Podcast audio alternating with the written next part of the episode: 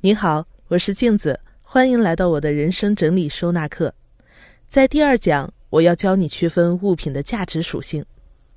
平常你对东西的认识和表述啊，可能大多都局限于它的功能或者商品名，比如说化妆品、酒杯、秋裤、沙发、充电宝等等，这些都是你从它们的具体功能来认识物品的。从东西自身的功能去理解。你会没有办法深入洞察他们是如何满足你的需求的。了解物品的价值属性，能够更深的看到物品跟你之间的关系，从而辅助你做整理的决策。在整理收纳领域，我把物品按照价值属性分成以下五种，分别是资产类物品、消耗品、存储品、工具和精神类物品。在你的家里，不管是什么样的东西。必然是这五种属性之一，或者同时兼具其中两到三个属性。那先来讲讲第一种资产类物品。什么是资产类物品呢？就是说这个东西放在你家里，经过了时间的流逝，它不仅没有贬值，反而能够保值和增值。你可以立刻开动脑筋想一想，什么样的东西是能够保值增值的呢？或者说简单一点。这个东西，当你拿去转卖的时候，能不能够卖回原来的价钱？如果卖不回来，就说明这个东西贬值了。一般人家认为的资产类物品，通常包括房产证啊、贵重金属、理财产品、收藏品等等。但是我要告诉你的是，并不是所有的理财产品和所有的藏品都是资产。你要看这个东西能不能真的保值增值。对于资产类物品，应该怎么整理呢？很多人会觉得，为了防贼，要把它们分头藏在家中各个隐秘的角落。我教给你的，恰恰是要集中管理。你可以找一个保险箱，把它们集中存储起来，这样你会更加的清楚，在你家里面真正扛得过时间、扛得过通货膨胀的物品究竟是哪些。只有对自己的资产状况有一个比较清晰的把握，才能更好的安排资产的增值。物品属性的第二种。就是消耗品了。那什么是消耗品呢？就是说这个东西呀，经过一段时间的使用，或者本身会用完，或者会大幅度的贬值。那在你的生活当中，什么样的东西是消耗品呢？除了常见的食物啊、洗发水呀、纸巾这些东西，其实你全部的家具、家用电器这些价格比较高的东西，也都是消耗品。除非你是麦当娜，衣服有可能拍卖。否则，你的衣服也全都是消耗品。消耗品跟价格的高低是没有关系的，就算价格再高，也是消耗品。不能因为价格比较高，你就误以为它是资产，要在家里边放一辈子。对于消耗品，你应当怎么整理呢？有两个建议。第一个建议，消耗品要快进快出，它的使用周期到了，你就要主动淘汰、主动处理，不要留在家里。第二个建议。在购物的时候，对于消耗品要主动的意识到它的时间周期。食品和药品有保质期，但是其他的物品很少有使用周期的提示，这容易导致你在购买这些物品的时候呀，对它没有时间概念。比如说，你去买一件 T 恤，大概它的使用周期其实也就是一年左右，可能第二年就会洗变形，但是在买的时候，它并没有一个时间标签在上面。你可能就很难意识到它是一个只能使用一年到两年的消耗品。那你在买的时候没有时间周期的感觉，使用的时候也就不会有意识的注意到了。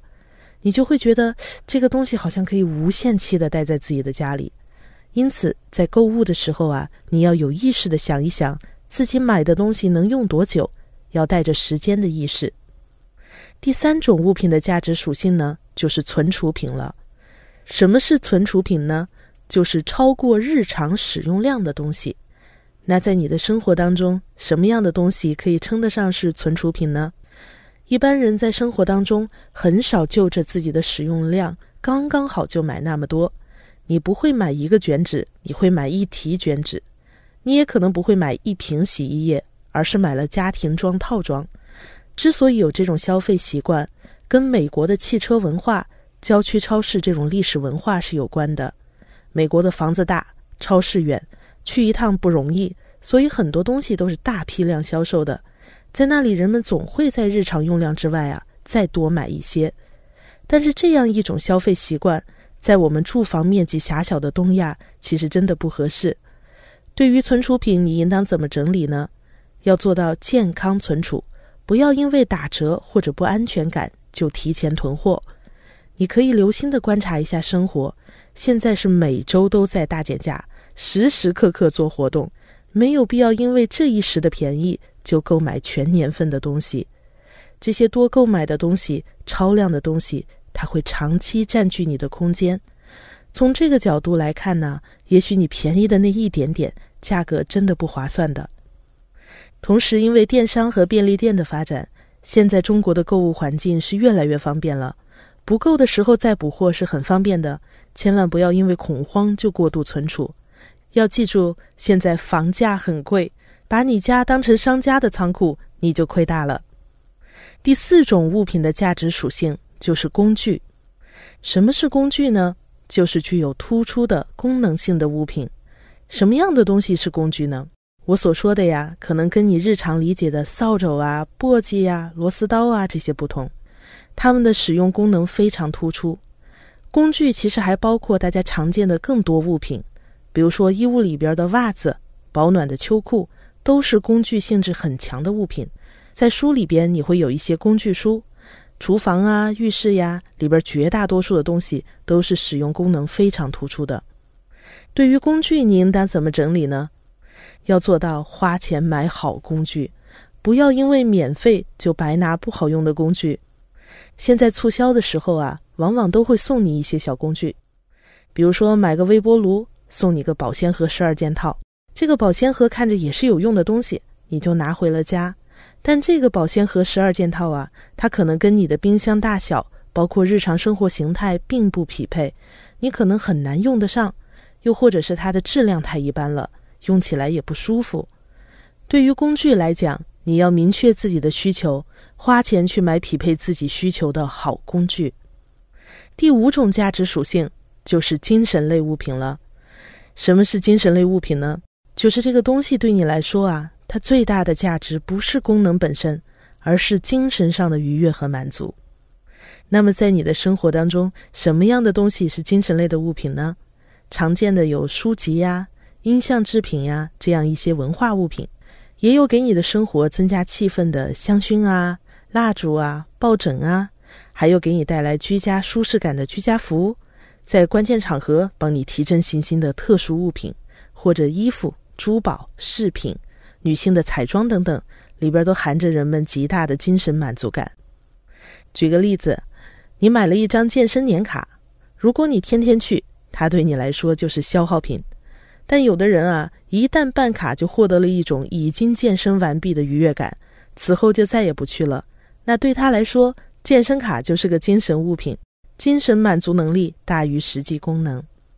假如有个姑娘老想买新的耳钉，实际上她的旧耳钉并没有坏，还可以用呢，而且她也只有两个耳洞啊。那我们可以发现，她想获得的其实并不是耳钉，而是美丽的感觉。刚买的时候戴着觉得非常光鲜亮丽，但是这样的感觉慢慢就会消失，于是又在寻找新鲜的满足感了。千万不要觉得这种情况啊只会发生在女生身上，其实男生买耳机、买镜头、买茶具等等也是如此。人有时候以为自己是在买一个功能性的物品，其实并不然，而是在图精神满足。那么，对于精神类的物品，你应当怎么样整理呢？我们不要以实际上坏没坏作为标准，而要以能不能满足你的精神需求作为淘汰的标准。当这件物品不再满足你的精神需求的时候，就是淘汰的时候。当然，如果你能够看到自己在精神追求里边的焦虑，你也可以放松一些，不要被新鲜玩意儿无意识的绑架，让物质变成自己的精神枷锁。总结一下，这一讲我讲了物品的价值属性，一共有五种，分别是资产类物品、消耗品、存储品、工具和精神类物品。你要记得，资产类物品要集中保存，消耗品要快进快出不留恋，存储品要健康存储不囤货，工具要花钱买趁手的用，精神类物品在不能满足精神需求的时候，要主动淘汰，不要纠结。在这个基础上，下一讲我会告诉你整理工作的整个流程，你就可以按照从易到难开始整理了。同时，这一讲我也请你思考一个问题：对你来说，手机和耳机是工具类物品还是精神类物品呢？